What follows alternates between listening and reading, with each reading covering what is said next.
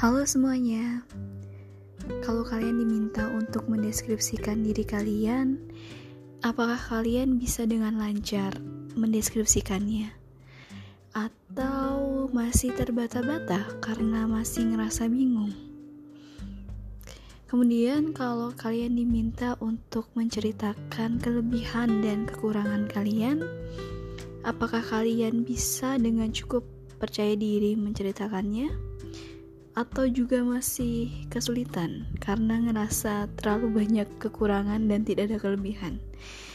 Nah, minggu ini kita akan sama-sama mencoba untuk lebih mengenal siapa diri kita, atau biasa kita kenal dengan self-awareness. Nah, kenapa sih self-awareness itu penting?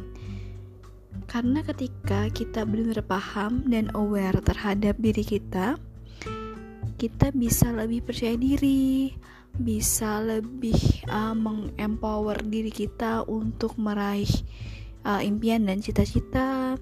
Kemudian kita bisa senantiasa berkembang untuk menjadi orang yang lebih positif dan bermanfaat di lingkungan. Terus tidak mudah terpengaruh juga, alias mungkin gak mudah baper dan lain sebagainya. Jadi banyak sekali sebenarnya manfaat dari self awareness ini gitu. Nah, dua pertanyaan di awal tadi sebenarnya adalah pemantik bagi kalian untuk menilai apakah sebenarnya kalian ini sudah cukup paham terhadap diri kalian atau sebenarnya masih bingung. Kalau sudah, ya bagus, bisa dipertahankan dan terus diperbaiki ke depannya. Cuman kalau belum, ya nggak apa-apa kan kita semua manusia terus berproses. Jadi, misalnya belum paham, ya gimana caranya biar kita bisa paham, ya kan? Nah, aku akan share salah satu cara yang aku rasa cukup efektif yang bisa kalian lakukan untuk membantu mengenal diri kalian. Nah, namanya adalah dengan refleksi diri kalian bisa mengambil secari kertas sebagai media yang memudahkan kalian untuk proses ini. Atau bisa juga nanti kalian uh, ketik kayak gitu tergantung kalian nyamannya gimana. Cuman memang harus diingat dalam proses ini kalian itu harus mau dan harus siap. Jadi syaratnya cuma dua mau dan siap.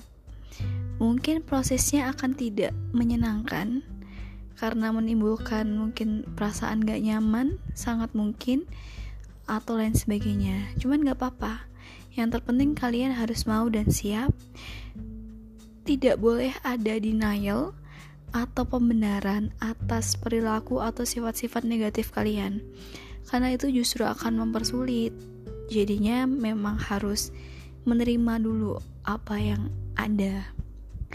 Oke baiklah jadi kalian bisa mulai dengan mendeskripsikan diri kalian dalam beberapa kategori. Jadi dipisah per kategori. Seperti yang pertama fisik. Kemudian aktivitas yang disukai dan tidak disukai. Ini masih cenderung gampang ya. Kemudian kira-kira keahlian atau kemampuan tertentu yang kalian miliki. Apa aja bisa sesederhana mungkin. Jadi tidak perlu berpikir terlalu berat, terlalu dalam yang penting apa yang terlintas itu coba dituliskan dulu. Kemudian prestasi yang pernah diraih. Kemudian mungkin mata pelajaran yang kalian sukai atau mata kuliah yang kalian sukai. Kemudian kebiasaan-kebiasaan yang sering kalian lakukan, baik yang positif maupun yang negatif. Kemudian, nah ini mulai ke arah yang lebih uh, serius, itu sifat positif dan sifat negatif yang kalian rasa kalian miliki. Nah, itu coba dilihat dari tahun-tahun sebelumnya, dari pengalaman-pengalaman kalian sebelumnya, kira-kira uh, masuk ke kategori yang mana, kayak gitu. Kemudian yang terakhir itu tuliskan juga semua impian dan cita-cita yang kalian miliki. Nah, semua hasil refleksi diri tadi kalian tulis jawabannya di kertas tersebut atau diketik tadi sesuai keinginan kalian. Kemudian kalian baca dan kalian resapi. Nah, kira-kira perasaan yang muncul apa ya? Apakah merasa senang, merasa bingung, atau merasa apa? Coba kalian deskripsikan perasaan yang muncul, kemudian bagaimana kira-kira kesan kalian setelah membaca hasilnya. Nah, uh, terkadang kita agak kesulitan memahami diri kita karena setiap pengalaman yang dan hal-hal yang kita lalui itu hanya sebatas di memori saja atau di pikiran. Sehingga kita memang agak kesulitan untuk merecall ataupun mengumpulkan hal-hal yang penting dan bermanfaat bagi kita. Jadi semuanya kayak stuck di pikiran gitu. Jadi kan ketika untuk ketika kita mau merecall jadi harus nyari-nyari lama kemudian akhirnya jadi bingung dan lain sebagainya gitu nah sehingga ketika hal tersebut tertuang dalam bentuk tulisan itu akan jauh memudahkan kita untuk lebih tahu dan lebih paham. Nah, sehingga kita tahu nih ke depannya harus ngapain.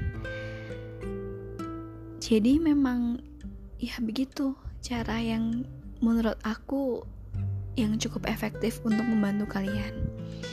It is completely okay untuk punya sifat-sifat atau kebiasaan yang dirasa kurang baik. Karena ya apa pun itu you are only human gitu loh. At least you are aware of it sehingga tahu gimana cara untuk memperbaiki diri. Yang terpenting adalah mau dan siap untuk memperbaiki diri.